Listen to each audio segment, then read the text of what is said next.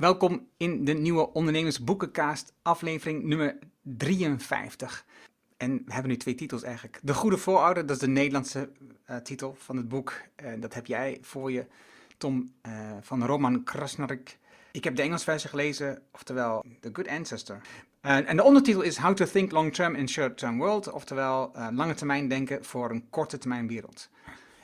En wij bespreken het boek. En we hebben de Nederlandse versie, die heb jij gekregen. Ik had de Engelse versie ook alweer gekocht voor mezelf. Maar de Nederlandse heb je gekregen. Dankjewel voor de uitgever hiervoor. Aan de ene kant is Tom van Lubbe. Welkom Tom.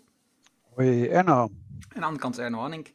En dit keer um, hebben we een boek wat in mijn optiek echt wel anders is dan eh, veel andere boeken. En tegelijkertijd heeft het ook heel veel verbinding met het heden. Dus het, is een interessant, een interessant verhaal. Uh, Roman is een, hij noemt zichzelf een filosoficus, die schrijft over uh, grote ideeën in de maatschappij. En hij heeft een aantal boeken geschreven, onder andere Carpe Diem Regained, Empathy and How to Find Fulfilling Work. Hij heeft er meer geschreven, dit zijn een paar van. Zijn nieuwste boek, dat is niet over dit boek, dat is, want hij heeft net in maart 2022, nu dit opnemen, heeft hij zijn nieuwsboek gepubliceerd en dat heet What the Rich Don't Tell the Poor. En dat is eigenlijk een boek wat een studie die heeft gedaan in 2006, wat eh, toen niet is uitgegeven en die heeft hij gewoon nu uitgegeven. Dus het is eigenlijk een oud boek wat hij nu heeft uitgegeven. En als laatste aanvulling hierover, een persoonlijk weetje van uh, Roman is dat hij getrouwd is met Kate Raworth. Um, oftewel de auteur en bedenker van het idee de donut-economie. En die wordt ook in dit boek genoemd. Dus de cirkel is zo mooi rond. Het boek bestaat uit drie delen: touwtrekken om de tijd, zes manieren van denken op de lange termijn en de tijdrebellie. Voor mij, dit boek ja, gaf me echt inzicht over het idee hoe erg wij op dit moment in de huidige tijd, en ik dus ook, wordt gepusht om op de korte termijn te denken en te reageren. En dan, de korte termijn kun je dan misschien denken in uren, minuten, maar dan kun je ook in jaren denken. Dus, en de lange termijn gaat hier dan echt over 100 of 200 jaar. Dat je veel verder denkt. Je denkt echt over de volgende generaties na. En dat is wel een onderwerp die man een tijd bezig. En daarom vind ik het voor mij een super interessant boek om op dit moment te lezen. Om na te denken, niet alleen maar over ehm, mijn nalatenschap. Hè. We hebben vorige week, uh, de vorige jaar het boek Leaving a Legacy. Maar verder te gaan dan dat. Hoe, hoe doen we iets voor de wereld, voor de mensen op de wereld en voor de toekomst van die mensen? En dus het, het boek raakt me enorm. En, uh, en, dat is mijn eerste indruk. Wat is jouw eerste indruk? Ja, ik denk ehm, dat het een, um, een heel goed boek is. En misschien om het even een beetje plat te slaan. Uiteindelijk gaat het over, over ecologie. Hè, dus over onze, onze vernietiging van de wereld waarmee we be bezig zijn. Dus de mensen die het interessant vinden om een combinatie te hebben van, ik zou maar zeggen, een goed leesbaar boek uh, wat voor, voor gedeeltelijk heel, filosofisch is en waar ook heel veel uitstapjes worden gemaakt. Zit een hele goede literatuurlijst en een heel goed notenapparaat. Ja, is het echt een aanrader, vind ik. Het, is, het, is, het, is, het verliest zich niet in wetenschappelijke details, maar blijft heel erg in de grote lijn. En eigenlijk gaat het om het lange termijn denken, wat noodzakelijk zou zijn om onze wereld te redden.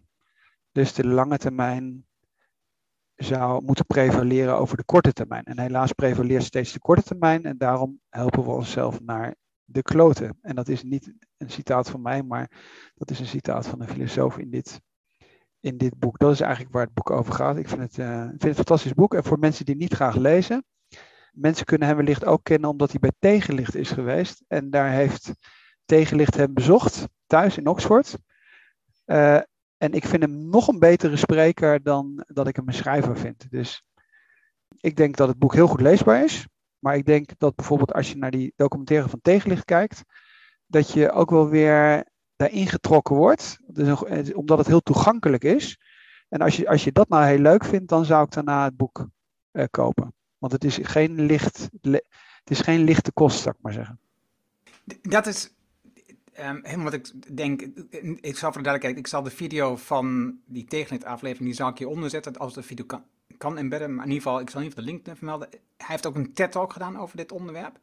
Ook die zal ik toevoegen, um, omdat voor de meeste mensen, en ook net als voor mij, is zo'n gesprek, zo'n interview, waarin hij zijn beelden verwoordt, heel toegankelijk veel makkelijker om in te komen dan gelijk te beginnen in een boek. En, en wat ik voor mij het bracht was, want ik heb het, die documentaire denk ik een half jaar geleden misschien gezien, uh, waardoor ik het boek ging kopen en wa waardoor, dat is denk ik het effect. Je ziet de documentaire en je, je begint dat te begrijpen, de, de visie die hij heeft, en dan denk ik, oké, nu wil ik dat verdiepen, nu wil ik er meer over leren, en dan, en dan koop je het boek. Zo heb ik het, zo heb ik het in ieder geval gedaan. En ook documentaire was ook heel mooi, ook met zijn vrouw en pap erbij, en in de tuin, Ja, met de kinderen de erbij. kinderen en de bomen en zo. Het is fantastisch. En het, is, het interessante is dat eigenlijk die tegenlichtdocumentaire op exact dezelfde manier opgebouwd is als het boek. Dus de verhaallijn van het boek, die gewoon logisch is, die zit in die documentaire ook. Eh, dus ja, wat dat betreft vind ik ook dat die documentaire of dat interview met hem gewoon heel goed gedaan is. En hij is een ontzettend aangename, empathische, sympathieke eh, spreker. Eh, dus ik denk dat, dat het gewoon een hele goede appetizer is. om om, om ja, na de hand dan in het boek te duiken. Oké, eh, deel 1, eh, touwtrekken om de tijd. In het eerste hoofdstuk, hoe kunnen wij goede voorouders zijn? Daarin laat hij zien ehm, nou wat eigenlijk goede voorouders zijn. En ehm, maakt hij de eerste koppeling van die voorouders met het lange termijn denken. Ehm, en hier noemt hij bijvoorbeeld het eerste voorbeeld al over de zeven generatie besluitvorming. die veel inheemse bevolking al lang toepassen. Al, ik wil zeggen eeuwen toepassen waarschijnlijk zelfs. En dus, dus eh, die inheemse bevolkingen, eh, de Indianen en denk aan de Maori's, dat soort mensen, die ehm, denken na over wat ze nu doen, over wat het effect daarvan is over zeven generaties. Of wat ze zouden moeten doen om eh, ervoor te zorgen dat eh, er genoeg voedsel is, eh, er voldoende dieren zijn en voldoende planten zijn voor de volgende zevende generatie. Zij denken dus echt op een lange termijn. En dat denken van die inheemse bevolking, dat zijn wij eh, verloren. En dat laat hij daar in dat eerste deel, eh, van het eerste hoofdstuk dan zien. Eh, en, en je ziet gewoon dat wij het gewoon heel erg ingewikkeld vinden om nog twee eeuwen verder te denken. We zijn nu, als je nu naar 2050 denkt als bedrijf, dat is, dat is, al, dat is al heel erg ver. Laat staan dat je twee eeuwen verder denkt. En het lange termijn denken heeft gevolgen voor je persoonlijke besluitvorming, voor de publieke instituties, economisch systeem en cultuur. Dus het is niet zomaar iets. Het is echt wel iets groots eh, waar je dan aan begint. En dus, nou ja, het is natuurlijk ook filosofisch, maar het is, je begint echt wel aan een weg ehm, voor, voor jezelf. Ja, wat hij eigenlijk zegt in het, en dat is in het tweede hoofdstuk, daar laat hij eigenlijk zien dat er twee manieren van denken zijn. Enerzijds pakt hij de marshmallow test, dus die instant eh, gratification. En anderzijds neemt hij de eikel als voorbeeld, dus het planten van een boom die, die groot geworden is op het moment dat jij al lang niet meer bent. En, en die beide manieren van denken, die zitten ten, te, eh, eh, tegenover elkaar. Maar zegt uiteindelijk, wat ook heel erg logisch is, het is eigenlijk gek en wij zijn wat dat betreft de uitzondering. En dat hebben we ook wel in andere boekenpodcasts uh, soms genoemd, als het over antropologie, et cetera, gaat. Dat je zou verwachten, omdat iedereen kinderen heeft, of wij als samenleving kinderen hebben, dat je in het belang van toekomstige generaties ageert. En je zou eigenlijk niet verwachten dat je de, dat je de instelling hebt naar mij de zonvloed. Juist omdat iedereen kinderen en kleinkinderen heeft. Dus dat is in principe wat, wat in dat eerste hoofdstuk tegenover elkaar wordt gesteld. En dan in het tweede gedeelte zegt hij, omdat we dat verloren hebben, moeten we dat denken op de lange termijn, moeten wij die manier van denken moeten we weer herontdekken. En daar komt hij dan met zes ideeën of zes manieren van, uh, van lange termijn denken. En wat ik nog wel mooi vond in dit stuk, in het eerste, in dit tweede hoofdstuk, was um, dat eigenlijk onze sociale interactie die we met elkaar hebben, eigenlijk in principe in zich heeft dat we over de lange termijn nadenken. Het is als we, uh, het is misschien nog niet zo lang dat we generaties verder denken, maar, maar, je denkt al wel over de lange termijn na. Dus als we nadenken over dat we met iemand wat gaan doen, uh, bijvoorbeeld, we gaan samen, zoals dit, we gaan een boekenkast starten, um, dan ergens in je brein wordt er vanzelf ook bedacht, wat zou dit in de toekomst um, opleveren? Zou, uh, als ik nu straks bij Tom langs ga, zou ik dan iets van hem kunnen vragen. Dat is, dat is wat automatisch in ons brein gebeurt. Hè? Dus je, je zit te bedenken over het sociale contract wat je met de ander op dat moment afsluit uh, in die sociale relaties. Maar tegelijkertijd um, lijkt ook in dat denken de dood van onszelf wel het eindpunt te zijn. We kijken, we kijken niet echt verder dan onze eigen dood. Dat is wel weer een puntje daarin. Oké, die zes uh, manieren van denken. Uh, ik ga ze niet eerst allemaal opnoemen, we doen ze gewoon één voor één. Maar wat hij zegt is, samenvormen is het gereedschap om een goede voorouder te worden. En dat vind ik wel grappig, want het zijn allemaal verschillende manieren om te doen. Je zou kunnen zeggen, je kiest de een en daarvan ga je de verdieping in, maar dat weet ik ook niet zeker. Het is gewoon ontdekken voor mij ook weer. De eerste is uh, nederigheid met betrekking tot de diepe tijd. Ik ga nog een keer zeggen, nederigheid met betrekking tot de diepe tijd. Dus de mens als een oogwenk in het kosmische geschiedenis, in de kosmische geschiedenis. En hier laat hij zien, onder andere, dat zijn de elementen die ik interessant vond, is um, hoe bijvoorbeeld techbedrijven op dit moment um, eigenlijk onze aandacht afleiden met likes en verhalen en connecties en alle dingen die we zeggen dat we uit dat systeem kunnen halen. Um, ons afleiden onze eigen doelen na te streven. dus we zijn zo druk met het kijken naar Netflix en daar met anderen over te praten, of uh, uh, op uh, LinkedIn op posts van anderen te reageren, dat we eigenlijk niet meer nadenken over onze eigen doelen. En um, daarmee ook dus het lange termijn denken, ja, zij vormen daar een concurrent op. Ze, ze zijn zo bezig met het korte termijn gedachte dat je eigenlijk daar niet een lange termijn denken toekomt. En, uh, en voor de rest, wat ik mooi vond in dit deel was over dat we. Dat hij naar een aantal elementen laat zien over hoe je dat gewoon kunt uitvoeren. Bijvoorbeeld het over de, clock of the long now, de 10.000 jaren klok. Het is een klok die zeker 10.000 jaar lang verder gaat. Of um, als je naar het jaartal kijkt, 2022, dat je daar eenvoudig een nul voor kunt zetten, waardoor je eerder denkt in tienduizenden jaar dan dat je denkt in honderden jaren. Van die soms eenvoudige trucjes om je ietsje verder te laten nadenken. Ja, er zitten meer van voorbeelden in. Dus dat bijvoorbeeld hier iets uit het museum in New York. Cosmic Pathway heet dat. En dan loop je 110 meter. En dan wordt in principe de tijd die je zelf kunt eigenlijk, uh, waar je in leeft, er staat hier dan de, de laatste 30.000 jaar.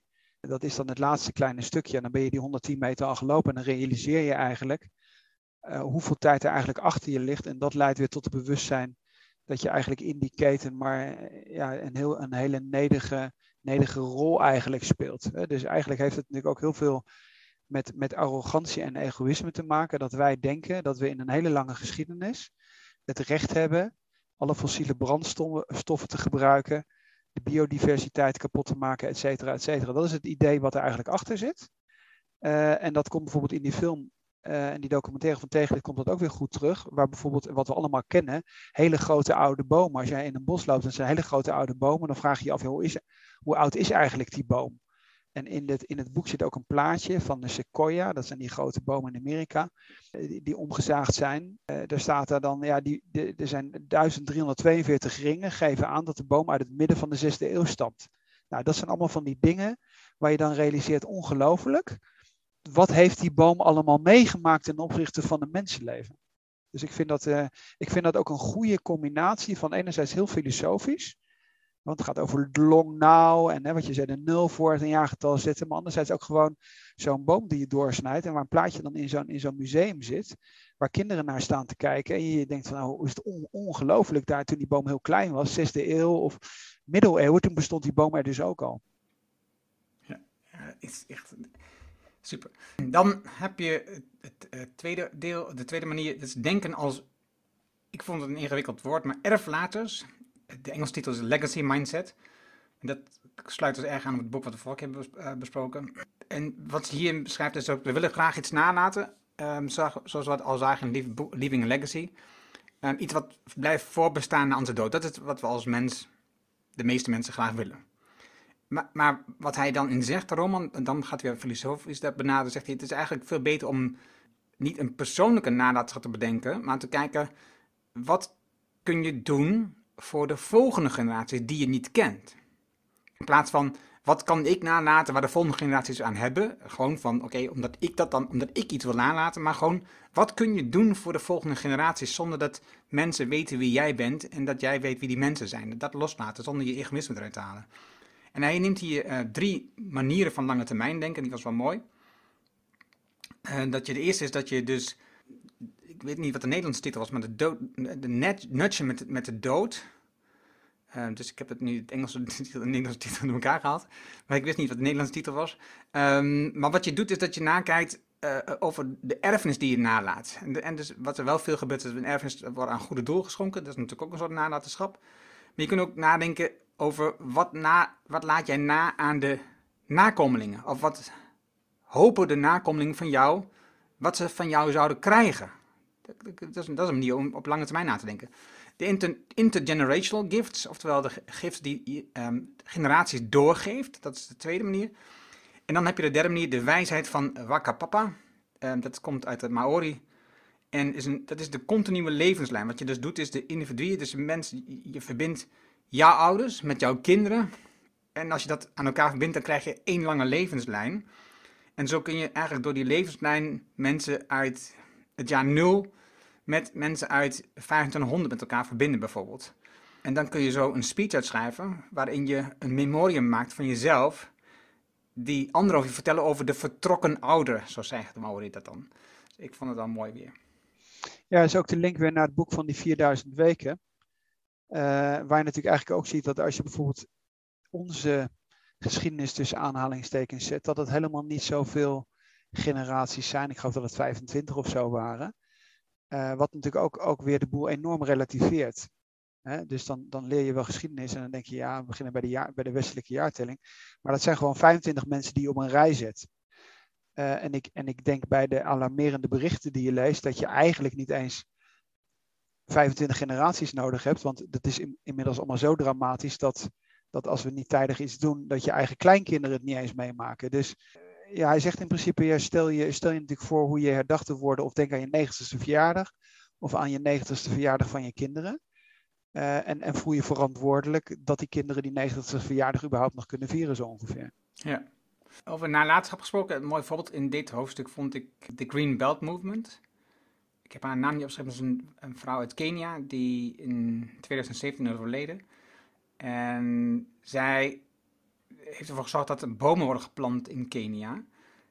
En, en, dat was waar zij haar leven aan heeft gegeven, zeg maar. En bij haar dood waren al 25.000 vrouwen opgeleid, getraind in het planten van bomen. En hebben ze 40 miljoen bomen geplant. En voor duidelijkheid, dit Green Belt Movement, dat loopt nog steeds. Het is dus niet dat het met haar overlijden is gestopt. Omdat je natuurlijk zoveel mensen hebt opgeleid en betrokken bij, bij die beweging, um, gaat dat natuurlijk gewoon door. Dat is denk ik nalatenschap wat veel verder gaat dan de oprichter van, van zo'n beweging. Ja, staat hier, dus bladzijde 80, staat ook een foto van de dame in het boek. Wangari Maathai, oprichter van de Green Belt Movement. Die derde, dat is de intergenerationele rechtvaardigheid. Waarom we de zevende generatie moeten respecteren. Wat ga je erover zeggen, Tom? Ja, in principe wat je helemaal al in het begin van de inleiding zei, dat je natuurlijk in principe die generaties die je achter elkaar uh, zet, uh, en wat eigenlijk alle, alle, ik weet niet of natuurvolken het goede, het goede woord is, uh, wat, wat eigenlijk heel normaal is en wat je eigenlijk zou, zou moeten, normaal zou moeten vinden. En daar gaat hij in op de Verenigde Naties en op Club van Rome en Broenland rapport. en wat ik eigenlijk daar het meest, meest interessante vind, is dat hij met die morele ik hoop dat ik in het goede hoofdstuk zit. Hij komt dan met vier morele motieven voor die uh, intergenerationele rechtvaardigheid. Moeilijk woord. En hij, maakt het, hij maakt belangrijke filosofische thema's, die we overigens voor gedeeltelijk ook zijn tegengekomen. Die maakt hij eigenlijk, die visualiseert hij op een, uh, in een in plaatje. En dan zet hij die vier dingetjes onder elkaar. En dan pakt hij enerzijds pakt hij de pijl. De pijl, de weegschaal, de blinddoek en het stokje. En dan komt hij met een visualisering komt hij daar, komt hij mee. Dus bij de pijl gaat het erom, als ik een pijl schiet en ik, iemand, ik verwond iemand, want die staat heel dichtbij, dan zou ik het niet doen. Maar als ik een, een denkbeeldige pijl heel ver schiet, dus neem even bijvoorbeeld het vernietigen van de natuur, en, en ik bega eigenlijk ook genocide, of mensen verdwijnen onder de zeespiegel, dan, dan realiseer ik me dat eigenlijk helemaal niet dat het hetzelfde is als die pijl schieten op iemand die heel dichtbij staat. Maar de, de, kracht is net zo, net zo vernietigend of nog veel vernietigender. En dan zegt hij van ja, maar het is natuurlijk helemaal geen, geen excuus dat die persoon ver weg is. En dat is natuurlijk wat je permanent ziet, dat dingen die heel nabij gebeuren in je eigen omgeving, daar lijden we onder. Die vinden we ook heel dramatisch. Neem bijvoorbeeld even actueel vluchtelingen. Uit de Oekraïne nemen we ze op, wat overigens heel positief en goed is. Gebeurt dat veel verder weg van ons huis en kunnen we ons doen we, hebben we dan moeite mee ons min of daarmee te identificeren, dan vinden we dat veel lastiger. Nou, dat is eigenlijk dat hier wat hij, dat beeld wat hij oppakt uh, met die pijl. En dan moet jij maar even de volgende pakken. De weegschaal misschien. De weegschaal, dat is wat je. Um, wat ik vond, ik heb ook die vier dingen opgeschreven en vond het ook interessant. Is dus die weegschaal, dan um, kijk je naar wat je tot nu toe, net over, had net over dat je zoveel generaties had van wat er tot nu toe is geweest. Zeg maar dat je als je even uitgaat van 2000 jaar, is het iets langer, maar dus als je daarvan uitgaat, dan heb je een hoeveelheid mensen die dit tijd bestrijdt. Maar als je vanaf hier kijkt in de toekomst, zeg maar ehm, nog 50.000 jaar, dan kun je je voorstellen dat dat aantal vele malen groter is. Dus dan heb je een weegschaal waarin je een, een klein deel van de mensheid wat tot nu toe geleefd heeft, tot ons, tot en met ons, ten, ten opzichte van in de andere schaal het aantal mensen wat in de toekomst nog moet leven. En, en die balans slaat dus helemaal, helemaal verkeerd uit op dit moment. Dat wij dus eigenlijk gewoon heel onbewust veel te veel um, claimen van de toekomst. Van wat rechtvaardig is als je het met elkaar vergelijkt. Van hoeveel mensen die in die tijd tot nu toe geleefd en die tijd die nog te gaan is. De laatste laat ik voor jou, dan doe ik de derde ook. De blinddoek. Dan, um, dat, is namelijk ook een hele mooie. Dan bepaal je eigenlijk met een blinddoek om wat je wilt dat er zou moeten gebeuren. Dus je, je, je weet niet waar je uitkomt, je weet niet waar je terechtkomt, je weet niet in welke gemeenschap, uh, wat je, hoeveel je verdient, wat je geloof is, wat je rijkdom is, wat je intelligentie is, wat je kleur is, waar je afkomt, daar weet je niks van.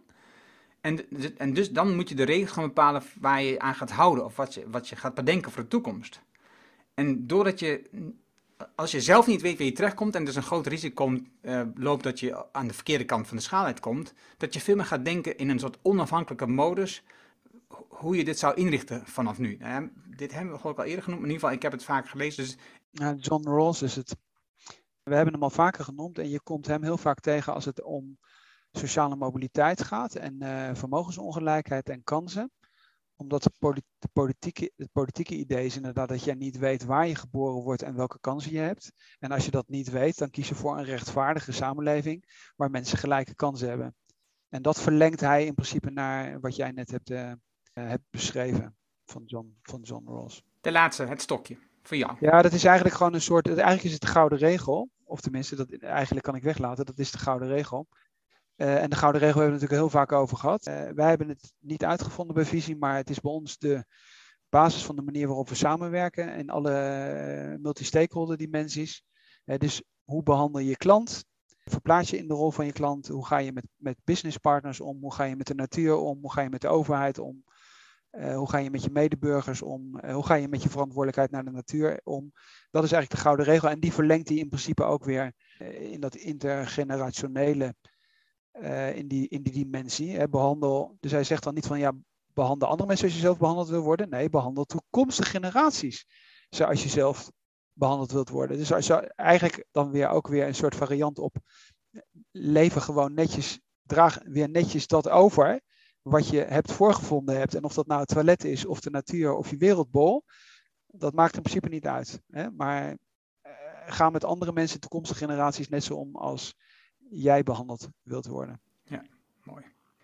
Het kathedraaldenken. Dat is nummer drie, volgens mij. Het kathedraaldenken, dat gaat, nou ja, het zegt het al, het woord kathedraal. Het kathedraaldenken gaat dus over het feit dat je nadenkt over het bouwen van iets waarvan of het maken van iets of het ontwerpen van iets, van waar je het eindresultaat dus niet ziet. Waarvan je dus niet weet hoe het uiteindelijk uitkomt te zien. Ja, je hebt een beeld ervan, maar je gaat het niet meemaken. En hij geeft hier een aantal hele mooie voorbeelden. Uiteraard uh, de Sagrada Familia van Gaudi, uh, waar weet niet hoe lang over gedaan is. En Gaudi heeft het zelf dus het eindresultaat niet meegemaakt. Sterker nog, het is nog steeds niet af, dus dat duurt nog tot, uh, wat was 2050 geloof ik, voor het af... af ja, 2026 staat hier, maar goed, dat zal wel weer langer duren. Ja. Maar een ander mooi voorbeeld wat ik ook vond, wat ik ook zag, was de, die kerk in Ulm, die met zeg maar, de eerste vorm van crowdfunding is gebouwd, waar ze 500 jaar over hebben gedaan. Waarbij de gemeenschap heeft gezegd, wij gaan een kerk bouwen en, en we gaan samen die middelen samenbrengen en we gaan het gewoon doen. Eh, terwijl ze uiteindelijk dus zelf niet hebben meegemaakt dat die kerk afkwam. Maar ze wisten wel dat ze een kerk wilden bouwen om ervoor te zorgen dat die gemeenschap en het geloof bij elkaar kwam. En daarnaast heb je een tabel, een lange tabel met heel veel verschillende voorbeelden over hoe je het kathedraal drinken in de praktijk kunt zien. Een van de dingen die, die, ik, noem, die ik nog wel noem is in Noorwegen. Ze hebben een fonds opgezet waarbij ze de inkomsten uit olie- en gasverkoop in dat fonds stoppen. Het fonds heeft ondertussen 1 miljard uh, US dollars in, in, in, zich. En een ander was uh, de geschiedenis in Japan. Maar op een bepaald moment in 1750 uh, kwamen ze tot de conclusie dat um, als ze zo zouden doorgaan, dat Japan ten onder zou gaan. Want ze hebben gewoon het, het aantal bomen zeg maar, tot 20% van het totaal teruggebracht. Ze hebben zoveel gekapt om het huizen bouwen en alles was nodig gemaakt dat ze gewoon ten onder zouden gaan aan hun eigen succes met, met het gebruik van, van bomen.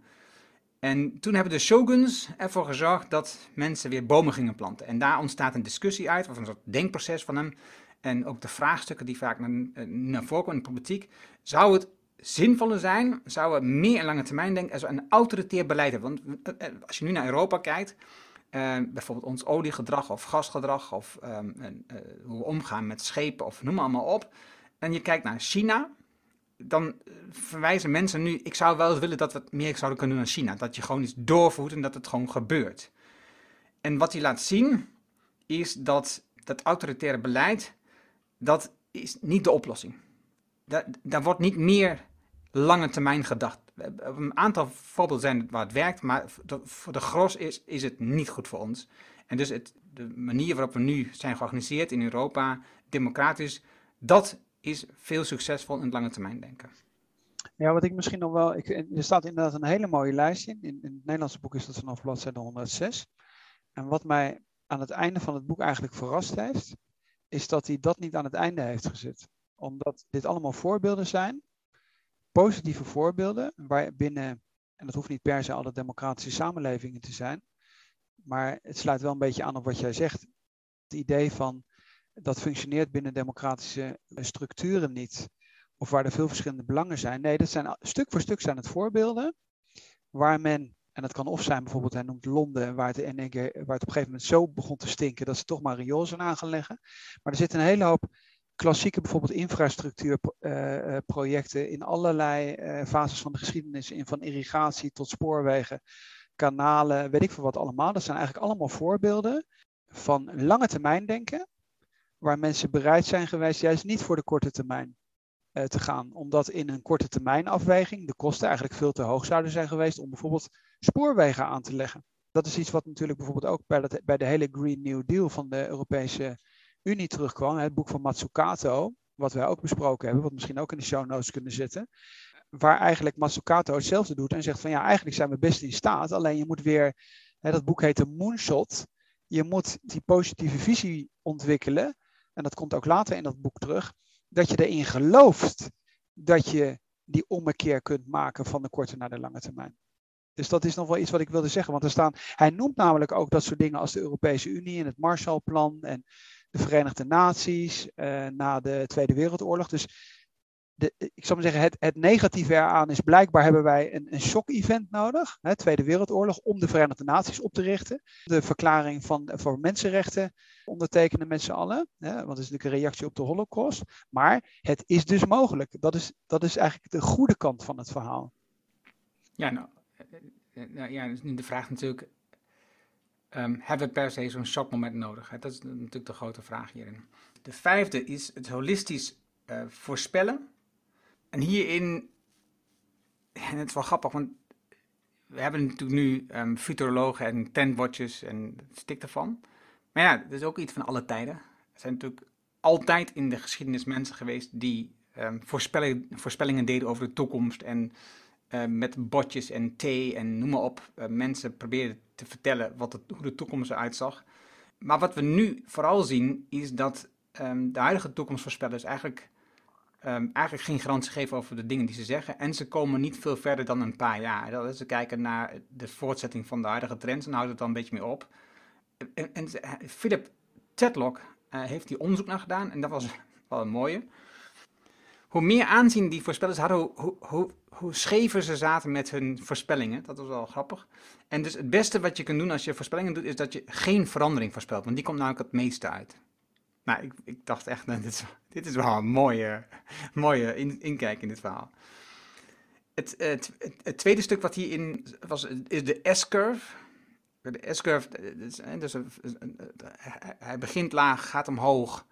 En stijgt, stijgt, stijgt. En moment gaat hij weer beslist naar beneden. Hè? Dus, dus je hebt een economie, je hebt een product. Maakt niet uit wat je hebt, een maatschappij, een, een beschaving. Maakt niet uit wat je hebt. Dat, het ontwikkelt zich, het ontstaat uit iets en het groeit en het groeit en het groeit tot een bepaald een piek bereikt. En dan weet je ook zeker, het gaat ook weer naar beneden. En dat is waar we um, zoveel moeite mee hebben. En ook als je naar die futuroloog kijkt, ze denken altijd in dat het meer wordt, dat het beter wordt, dat het vooruit gaat. En tegelijkertijd weten we gewoon dat een bepaald minder gaat. Een, een mooi uh, boek hierover, uh, wat recent is uitgekomen, dat is het boek over, van Ray Dalio, zijn nieuwste boek The Changing World Order, waarin hij laat zien, precies die S-curve beschrijft hij, uh, maar dan dus het succes van verschillende economieën. Dus hij, hij begint met Nederland, in de tijd dat de VOC er was, en de gilde het, het, muntstuk was wat over de wereld werd gebruikt. Dat gaat over naar het Verenigd Koninkrijk, waarbij de pond het muntstuk wordt wat gebruikt wordt over de hele wereld en ook vertrouwen krijgt van de hele wereld. En dan zie je dat de VS en de dollar uh, ontstaat. En nu zitten we in de volgende fase. En wat dus gebeurt, is dus Nederland die piek door is geweest en naar beneden keldert. En dan ontstaat er dus een oorlog met Engeland, onder andere op die, op die en niet hier, maar grens in die, in die landen die we, waar wij dus heersten. Uit die schok, schokmoment ontstaat dus de volgende uh, S-curve. Nou, datzelfde is dus nu, VS is aan het dalen, we, we verliezen vertrouwen in de dollar, we zien het langzaam gebeuren. En we zien dat China nu opkomt. En de vraag is natuurlijk, hoe lang gaat dat door? Hoe lang gaan zij, zeg maar, wanneer, wanneer begint iedereen te geloven in de um, Chinese yen? Wanneer, wanneer gaat iedereen dat al gebruiken als betaalmiddel? Dat, dat, hij beschrijft dat dat gaat een bepaald moment gebeuren.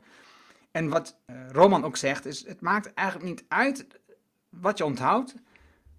Want je hebt geen idee als je de S-curve tekent, wanneer het dan optrekt. Dat is, dat is niet duidelijk. Maar je weet wel één ding. Als je op die top bent, dan ga je ook gewoon naar beneden. En meestal gaat dat vrij hard.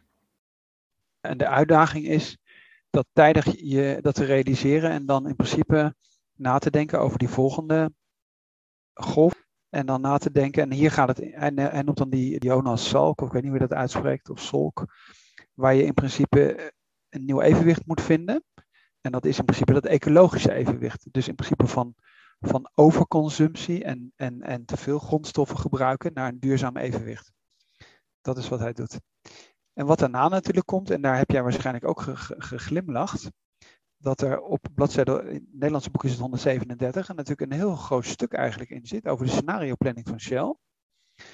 Uh, ja, je ziet het natuurlijk gewoon toch weer terugkomen, waar nog een keer uit wordt gelegd dat Shell door de scenario planning goed gereageerd, goed kon reageren op de oliecrisis. Niet omdat ze hem voorspeld hadden, maar omdat ze een scenario in de kast hadden liggen. En die scenario-planning wordt nog even, wordt nog even uit de doeken gedaan. En voor de mensen die dat interessant vinden, wij hebben natuurlijk dat boekje besproken. Ik heb het even meteen even de boekenkast gepakt, de Living Company van Arie de Geus. Omdat bijvoorbeeld scenario-planning iets is wat eigenlijk heel oud is. En overigens, en dat staat hier helaas niet correct in, dat komt natuurlijk niet van Shell. Maar scenario planning komt iets wat uit het leger komt. Dus... Hey, ik, heb, ik heb de Engelse versie gelezen en daar werd de bedenker Herman Kaan genoemd. Ja, weet ik ook wel. Dat klopt ook wel. Dat klopt ook wel. Dat is, en dan wordt het naar de hand door Shell overgenomen. Alleen het is veel, het is veel ouder. Dus ik zal maar zeggen, scenario planning komt eigenlijk uit het leger. Dus, je, dus dat, je kunt waarschijnlijk teruggaan naar de oude Chinezen of wat dan ook. Dat is duizenden jaren oud, omdat als je aan het vechten bent, dan denk je van nou, als dit gebeurt, doe ik dan dat. En als dat gebeurt, doe ik dat. En als ze via die heuvel komen of via die heuvel, wat, wat is dan eigenlijk mijn volgende zet? Het is een beetje schaken op het, op, het, op het slagveld. Daar komt eigenlijk dat scenario denken vandaan. En dan is dat pas veel later, komt dat scenario denken, dan wordt dat dan hier beschreven. Maar dat komt natuurlijk niet uit de, dat komt, het is niet zo dat meneer Kaan dat heeft uitgevonden. Of dat dat, dat, dat door Shell uitgevonden is. Nee, dat komt heel ergens anders vandaan. Drie paden voor civilisatie, wil je daar nog wat over zeggen? Drie paden voor civilisatie. Breakdown, reform, transformatie. In principe, misschien is dat ook alweer een, eh, een, een soort voorproefje op uh, een van de volgende boeken die we gaan doen. Betekenis-economie van Kees Klomp. Uh, en ook in Nederland Jan Rotmans, et cetera. Ja, eigenlijk moeten we echt transformeren en echt veranderen. Dus het moet radicaal anders. Want als we het niet radicaal anders doen, dan stort de boel in. En zit dus eh, en dan noemt hij bijvoorbeeld drie, dan noemt hij hier die drie curves. En, en wat ik nog wel interessant vind, is dat hij een onderzoek noemt van iemand in Engeland die onderzoek heeft gedaan naar al die beschavingen.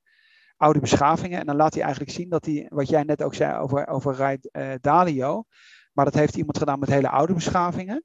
Dat ze eigenlijk allemaal maar een hele korte tijd bestaan. En dat ze eigenlijk ook weer, hij pakt bijvoorbeeld die overconsumptie pakt hij. En het voorbeeld wat ik fantastisch vind, wat hij eruit had, is de Sumerische beschaving. Wat eigenlijk welvarend wordt door irrigatie. Maar omdat ze zoveel water ompompen, is op een gegeven moment die grond helemaal verzild. Of hoe zeg je dat? Er is te veel zout.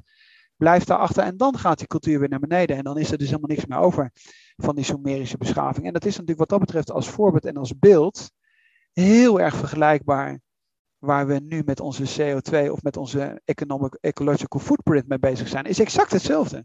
Dus misschien moeten we maar een boekje lezen over de Sumerische beschaving. En denken, oh, dat klinkt ons wel op een of andere manier heel bekend. Dat klinkt ons heel bekend uh, voor ogen, of dat, dat, dat, begrijpen we. En het interessante is dat hij wel die link maakt, dat vond ik nog wel interessant. Wat we overigens ook al in het verleden hebben besproken. Dat de heersende elite, die denkt dat ze er niet onder leidt, weet eigenlijk alleen maar vanuit hun egoïstische belangen de hervorming tegen te houden. Dus overigens zitten we ook middenin. Dat is overigens wat Ray Dalio ook beschrijft. En daardoor ontgaan wij niet aan onze eigen ondergang. Terwijl je eigenlijk als elite zou moeten realiseren dat egoïsme uiteindelijk ook toe leidt dat jij net zo verzuipt. Jij kunt wel die ecologische transformatie tegenhouden en verder met je private jet vliegen. Alleen ook jij zult verzuipen of ondergaan in deze ecologische catastrofe. Dat vond ik wel aardig dat hij die, uh, dat hij die uh, connectie maakt. En hij laat dat in het verleden, laat hij dat in principe zien. Ja, mooi. De zesde, de laatste, is het transcendent doel. En hij zegt een poolster waar de mens op kan varen. Um, hierin noemt hij bijvoorbeeld het boek van Viktor Frankl, uh, Man's Search for Meaning. En zijn logostherapie ook van Viktor Frankl. Dus als mensen bouwen op eigenlijk um, zingeving, waarom doen we het allemaal? En op richting. Dus we, hebben een soort poolster nodig waar we heen willen. En waar we dus dan daarom ook daarmee aan het werk gaan. En hier laat hij, net als in die vorige blokken twee keer, heeft hij zo'n eigen uh, ideeën, zeg maar, ook met, met symbolen weergegeven. Hier heeft hij de vijf opties.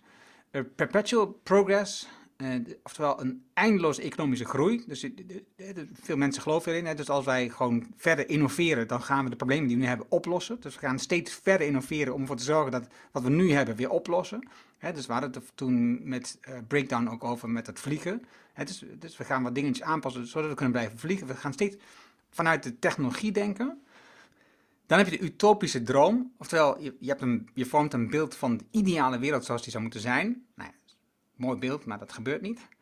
Dan heb je de technobevrijding. Um, nou ja, daar is nu uh, Elon Musk mee bezig en uh, Jeff Bezos. We gaan gewoon straks met een, met, een, met een schip naar een andere planeet en we gaan daar opnieuw beginnen. Um, dan heb je overlevingsmodus. En eigenlijk is dat een beetje wat je net noemt, die rijke mensen die zeg maar zeggen, uh, egoïsten, blijven gewoon doorgaan. Oftewel, zij gaan zich aanpassen naar de omstandigheden. dus, dus het gaat straks wat slechter, gaan ze een hogere dijk bouwen. Uh, ze gaan verhuizen naar plekken waar het nog steeds droog is en waar het nog wat bos is. En uiteindelijk komen de arme mensen aan hun deur kloppen, bouwen ze hogere poorten en dikkere muren. dus dat is een beetje wat gebeurt. En de laatste is um, One Planet Thriving. Oftewel, we moeten ons zien te organiseren en dat we op een planeet uitkomen, op één planeet die dus welvarend is, uh, waar we welzijn hebben. En dat betekent dat je moet rekening houden met de huidige en met de toekomstige behoeftes van die planeet. We hebben maar één planeet en dat is het en daar moeten we mee doen. Uiteraard, die laatste is dan de optie waar we van moeten ja, gaan. De enige werkbare. Ja, precies. Wat ik nog wel relevant vind is, en dat doet hij bijvoorbeeld in die documentaire van Tegenlicht ook, en daar zit een hele goede, goede, goed beeld in. Hij heeft het over een bergbeklimmer. En dan neemt hij Elon Musk. En omdat Elon Musk zo populair is en Jeff Bezos, denk ik, hè, wij benutten wel vaker die mogelijkheid om eigenlijk eh, daar een, een groot vraagteken achter te zeggen waar de goede man mee bezig is. Hij zegt de berg, bergbeklimmer, die zal altijd zorgen dat zijn basecamp op orde is. Dat, dat maakt hij als vergelijking als je de top gaat bestijgen. En die zegt hij, nou, we hebben nog wel wat aardig te doen voordat onze basecamp in orde is. En het is natuurlijk volledig absurd dat een soort egoïstisch spelletje aan de gang is van wie het eerste naar Mars kan vliegen en hoe je dat voor elkaar krijgt. Terwijl dat die omstandigheden op Mars, en dat, dat legt hij dan allemaal uit hoe dat met temperatuur zit, voordat je dat überhaupt leefbaar zou maken, zegt hij, nou laten we nou eerst eens proberen die wereld waar we in leven leefbaar te houden en zorgen dat daar een evenwicht is. Dus ik denk dat dat ook nog wel relevant is, want er wordt tegenwoordig dat geloof in de techniek, dat de techniek het gaat oplossen. En daar is dat, dat vliegen met z'n allen naar Mars in een soort modern idee van, van de Ark van Noah. Dat is het eigenlijk. Hè? Uh, dat is eigenlijk heel, heel absurd. Uh, alleen we zouden eigenlijk als wereldbevolking veel meer moeten zeggen: stop, laten we ons basecamp eerst op orde brengen. En, en, als je dat zo ziet, uh, het verhaal leest van Mars, hoe ingewikkeld het daar is en hoe moeilijk het is om dat voor elkaar te krijgen, dan, dan kun je ook realiseren dat het eigenlijk op aarde niet eens heel ingewikkeld is om voor elkaar te krijgen. Als je zo, als je zo denkt. Als je denkt van, oké, okay, naar Mars, ja, dat is heel ingewikkeld. dus, en nu lijkt de problematiek op de aarde heel erg ingewikkeld, maar als je daarmee vergelijkt, dan is het veel eenvoudiger. Dus, dus we kunnen het beste ook gewoon hier beginnen. Dit is veel eenvoudiger om te lossen, dit probleem. Ja, dat klopt, dat zegt hij. En dat, dat is natuurlijk, eigenlijk is dat ook een hele goede conclusie. Ja. Dan deel 3, het laatste deel. Het hoofdstuk diepe democratie, oftewel deep democracy. En hij vraagt over, is er een tegengif tegen politieke kortzichtigheid? Uh, hierbij moest ik gelijk denken aan het werk van Jitske Kramer. Die hebben natuurlijk diepe democratie. Maar het gaat, het gaat hier over het idee dat de politiek vandaag vooral bezig is met een goede quote op Twitter. Of um, de volgende stemmingsronde. Of de volgende verkiezing. Um, of de volgende quote die ze kunnen, uh, in een programma kunnen plaatsen. Zodat mensen weer aandacht hebben voor hun. Het is de politiek is eigenlijk bezig met zichzelf, met een eigen partij van dit moment en niet met de lange termijn. En dus hij gaat op zoek naar een oplossing waarbij je bijvoorbeeld kunt denken aan uh, wat hier wordt genoemd over dat je um, de burgerparticipatie krijgt, waarbij je uh, steden, uh, gebieden rondom steden krijgt waar mensen een soort ja, um, politiek vormen, een soort wereld vormen, en, en, en, op een veel kleiner gebied, waardoor je burgers bij kunt bij betrekken en niet zo groot wordt gemaakt. En dat mensen daardoor niet zo afhankelijk worden van die positie en dat eigenlijk al het allerbelangrijkste zien. En dus, Eva heeft in ieder geval uh, vandaag een boek, uh, contract getekend bij, uh, de, nee, gisteren bij de correspondent, dat haar boek gaat overkomen. Want zij houdt zich namelijk in Nederland met burgerparticipatie bezig en promoot dat enorm. En zij um, gaat, gaat dus een boek daarover uitgeven. Het is super interessant, dat onderwerp dus, en, en, hij geeft ook verschillende voorbeelden van steden waar dit al gebeurt. Plekken waarbij dat gewoon al functioneert. Uh, functies in, in de politiek die op de lange termijn denken. Um, uh, die gewerkt hebben of die weer gestopt zijn. Het, zitten hele mooie voorbeelden in om na te denken over hoe moeten we die, die democratie eigenlijk veranderen. Dat die wel functioneert weer. Ja, hij heeft het overigens, ik weet niet of je die bladzijde voor je neus hebt. Hier is het bladzijde 185. Want dat zijn dus, eh, hij splitst dat uit in, die, in vier uh, thema's, waar je het net uh, over had, over die burgerparlementen en dan zelfbesturende stadstaten. Maar wat hij ook doet is, wat we natuurlijk ook kennen, is dat bijvoorbeeld het belang van de jongeren veel zwaarder zou moeten wegen. Omdat natuurlijk bij een vergrijzing, en dan is een van de voorbeelden is Brexit, hè, dat de oude mensen die waren voor de Brexit en de jongen waren er tegen. Maar je hebt dat heel veel bij, bij, politieke besluitvorming, dat juist, juist als je naar verhouding veel ouderen hebt, dat natuurlijk juist minder de toekomst uh, centraal staat. Hè. Dus je zou eigenlijk bijvoorbeeld kiesrecht zou je bijvoorbeeld, je zou mensen eerder kunnen laten stemmen, je zou meer de jeugd kunnen opnemen, et cetera. En het andere wat hij, wat, hij ook, wat hij ook noemt is, om misschien nog even dat aan te vullen, is dat je de natuur bijvoorbeeld zelf juridische entiteit moet geven. En uh, wat we natuurlijk allemaal kennen, omdat dat, om, om het even bij Nederland te houden, is dat we dat Urgenda-oordeel uh, bijvoorbeeld kennen. Dat je dus in principe als burger of zelf je kunt opwerpen en zeggen van we vinden dat in het belang van de toekomst hier ingegrepen moet worden. Maar je ziet overal op de wereld eigenlijk ook een ontwikkeling dat men bijvoorbeeld rivieren een juridische status geeft zodat ze zich voor de rechtbank kunnen verdedigen. Het is natuurlijk een beetje, het is even een denkmodel waar je, waar je in moet komen. En wat vind ik wat hij heel goed doet is, dat hij zegt, als je nou terugkijkt in de geschiedenis, zijn er ook groepen geweest, bijvoorbeeld, dat zijn mensen geweest, die geen stemrecht hadden. Noemt hij bijvoorbeeld afschaffing van de slavernij. En hij neemt dan die slavernij en zegt van nou, je kunt dat eigenlijk weer transformeren in dat intergenerationele idee. En waarom zou jij niet de aarde zelf stemrecht kunnen geven, of een rivier zelf stemrecht kunnen geven, of de Amazone zelf stemrecht kunnen geven? En dan kan de Amazone of door een stichting, hè, neem even Urgenda of zo, naar de rechtbank gaan en zeggen: wij protesteren, wij willen helemaal niet omgekapt worden, want wij zijn in het belang van de toekomst en daarom hebben wij ook rechten. En dat is iets wat de natuurvolken natuurlijk altijd met een heel ander respect behandeld hebben. Dus hij maakt eigenlijk een hele goede, goede cirkel weer uh, met de antropologie, maar ook met bijvoorbeeld uh, de afschaffing van de slavernij. Dat vind ik, vond ik uh, ook, ook zeer interessant om te lezen. Hij sluit het hoofdstuk af, of volgens mij was het de afsluiting van het hoofdstuk, wat, om dat stuk van het belang van jongeren vergroten, om te laten zien hoe je dat zou kunnen doen. Heel eenvoudig namelijk. Je kan gewoon aan je kinderen vragen, dat hebben zij dus gedaan. Ze hebben aan hun kinderen gevraagd waar zouden zij op stemmen. Uiteraard moet je dan uitleggen het, wat er gebeurt, wat aan de hand is, hoe, de, hoe die partijen in elkaar zitten. Maar dan vraag je aan je kinderen hoe ze. En dan stem je dus. Dan, dan geef je dus eigenlijk jouw stem als ouder aan je kinderen op dat moment. Dus je, zij mogen niet stemmen, dus jij vult het stemmen, maar je vult in wat zij zouden hebben gestemd. Ik vond dat een fantastisch idee. Ja, dat vond ik ook echt wel weer briljant, omdat het namelijk enerzijds is het natuurlijk hoog, op, op een hoog intellectueel abstract niveau. En dan die vertaling te maken naar, en dat kan iedereen, iedereen kan aan zijn kinderen vragen en.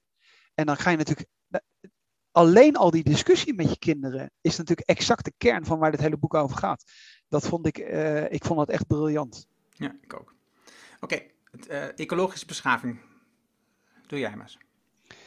Ecologische beschaving. Even bladeren, twee, uh, in het boek is het hier 204 hij in principe in dat laatste gedeelte uh, doet, is dat hij dus drie dingen heeft. Hij heeft die diepe democratie die we net hebben behandeld, dan die ecologische beschaving en dan, en dan die culturele evolutie. En dat zijn eigenlijk de drie, de drie varianten die hij die, uh, die die noemt. Wat hij eigenlijk hier doet is, dan gaat het weer om dat op die ecologische uh, footprint. Wat ik eigenlijk zou willen uithalen is, omdat hij daar eigenlijk niet zo heel erg diep op ingaat, de donut economy van, van zijn vrouw noemt. En wat ik op zich wel grappig vond, is dat hij dan schrijft: een van de opvallendste alternatieven is de donut. Een schepping van de econoom Kees Rayworth. En dan staat er tussen zaakjes, disclaimer, dubbele punt. Wij zijn met elkaar getrouwd. En dat is, ik vond het wel een aardige manier van formuleren. En om even die tegenlichtdocumentaire te pakken. Daar zitten zij met z'n tweeën op de bank met hun kinderen, et cetera. En daar wordt zij daar ook heel erg bij betrokken. En wat je natuurlijk gewoon ziet, is dat is een intellectueel uh, stel wat in Oxford zit. En hij is, hij is met dezelfde thema's bezig met, als, en Kate ook.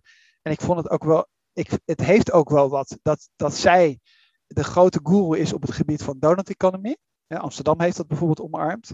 Maar dat hij ook gewoon ja, wereldwijd bekend is met, met het boek wat wij hier nu eh, eh, bespreken. Ja, in die donut economy gaat het natuurlijk over balans. En ik, ik, ik wil hier niet nu in de diepte ingaan, want dat boek dat zullen we gegarandeerd ook nog een keer bespreken. Maar ja, waar het natuurlijk eigenlijk gewoon om gaat, is dat je dat als je het over beschaving hebt, eh, dat de dingen in balans moeten zijn, want anders is dat juist geen beschaving. Er zitten nog wat kleine uitstapjes in naar B Corp en Polman, maar daar wilde ik het maar even bij, bij laten, want dat, zijn dan, dat gaat dan, vind ik, te zeer in het, uh, in het detail. Er gaat nog een hoofdstukje over China, of een, een, een uitstapje naar China, maar het, eigenlijk, eigenlijk is de kern uh, dat het in balans moet zijn. En de donut economy eigenlijk best een goed model daarvoor is. -hmm. Dan is het um, eigenlijk voor mij het laatste hoofdstuk van het, het, nummer 12, dat is een soort samenvatting, maar nummer 11, dat is de culturele evolutie. Het is een zeer interessant hoofdstuk. Ik had er nog nooit zo naar gekeken. Het gaat onder andere over verhalen vertellen. Dat je met verhalen veel dingen heel tastbaar kunt maken, heel duidelijk kunt maken. Dus, dus de, het is goed om veel verhalen, maar ook dus de cultuur um, wat voor rol die speelt. Hè. Hij laat verschillende voorbeelden zien van ontwerpen die uh, de toekomst ingaan. Hè. Dus uh, een voorbeeld van een bibliotheek, ik meen in Zweden uit mijn hoofd, waarbij um, duizend boeken worden opgeslagen. Elk jaar komt er een boek bij en, van, van een andere auteur. En, um, en uiteindelijk aan het einde van die rit worden die boeken gedrukt, worden ze geprint. En de bomen daarvoor, die zijn bij Oslo al um, geplant. Om die bomen te gebruiken voor de productie van die boeken. Dus dat is, dat is een lange. Terwijl je niet eens weet in of mensen in de toekomst nog lezen. Of, of nog in staat zijn om papier te maken van die bomen. Maar dat is wel het proces waarvan je denkt op dit moment. En ik vond dat fantastisch.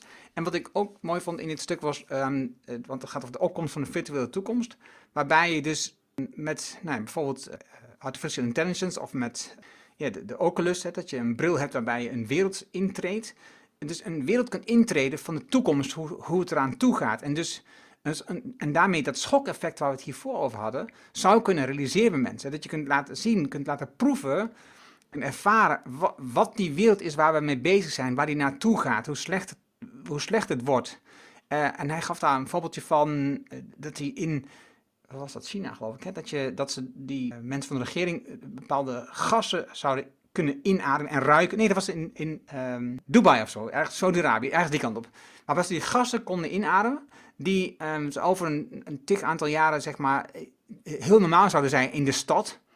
En, en dus door dat te hebben, dat te ruiken en te proeven en te ervaren, gingen die, die functionarissen gewoon heel anders denken over ja, toch de, de, ja, de, leefgemeenschap, de natuur, de, de, de, de atmosfeer in dat gebied. Ja, dat ja, precies.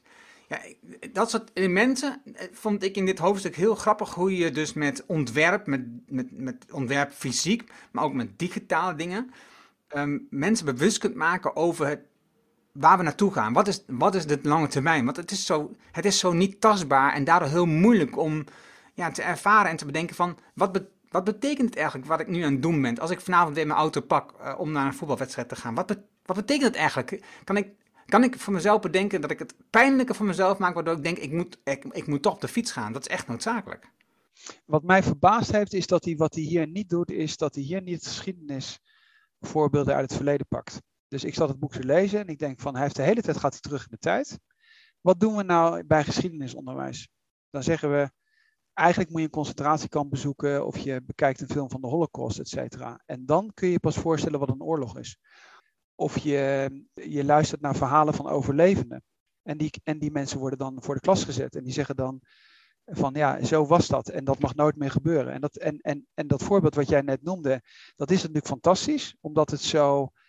Uh, ja, je komt daar zelf niet op. Hè? Dus dat, die foto die ik net liet zien is een overheidsfunctionaris uit de Verenigde Arabische Emiraten, wat jij net zei, die de vervuilde lucht uit 2034 inademt. Dat is natuurlijk best wel, daar moet je echt op komen op zoiets. Terwijl dat voorbeeld uit het verleden, wat zo voor de hand ligt, of de vervuiling van een middeleeuwse stad, dus hoe het gestonken moet hebben in Nederland, omdat toen er nog geen riolen waren, alles in die grachten gesodemieterd werd. Dat was overigens ook de functie van die grachten natuurlijk.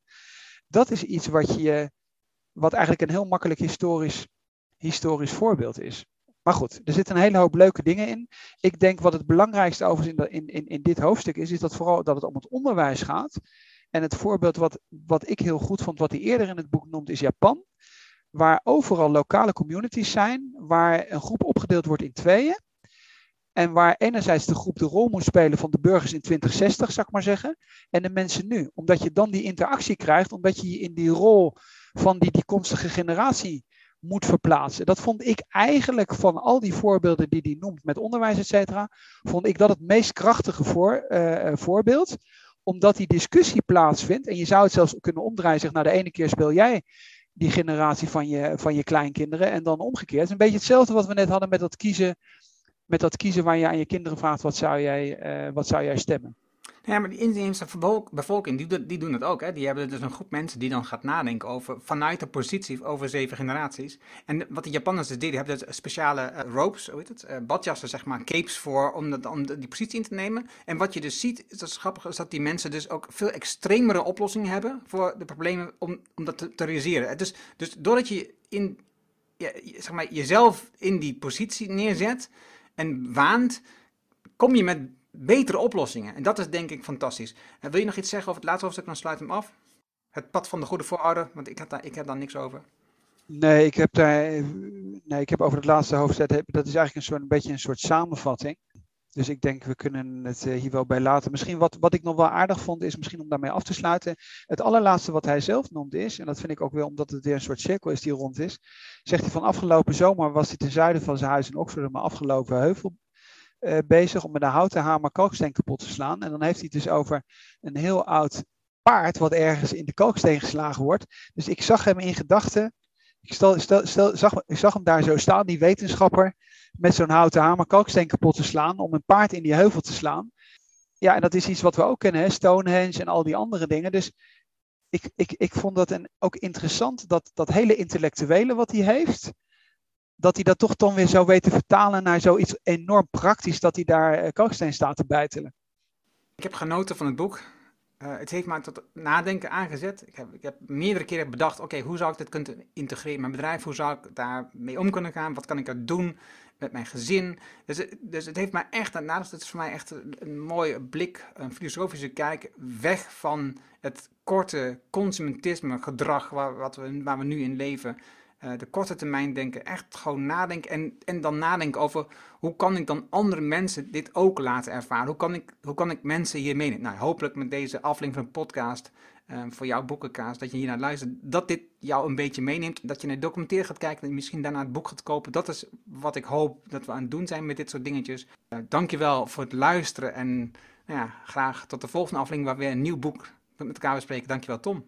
Ja, dankjewel Anna.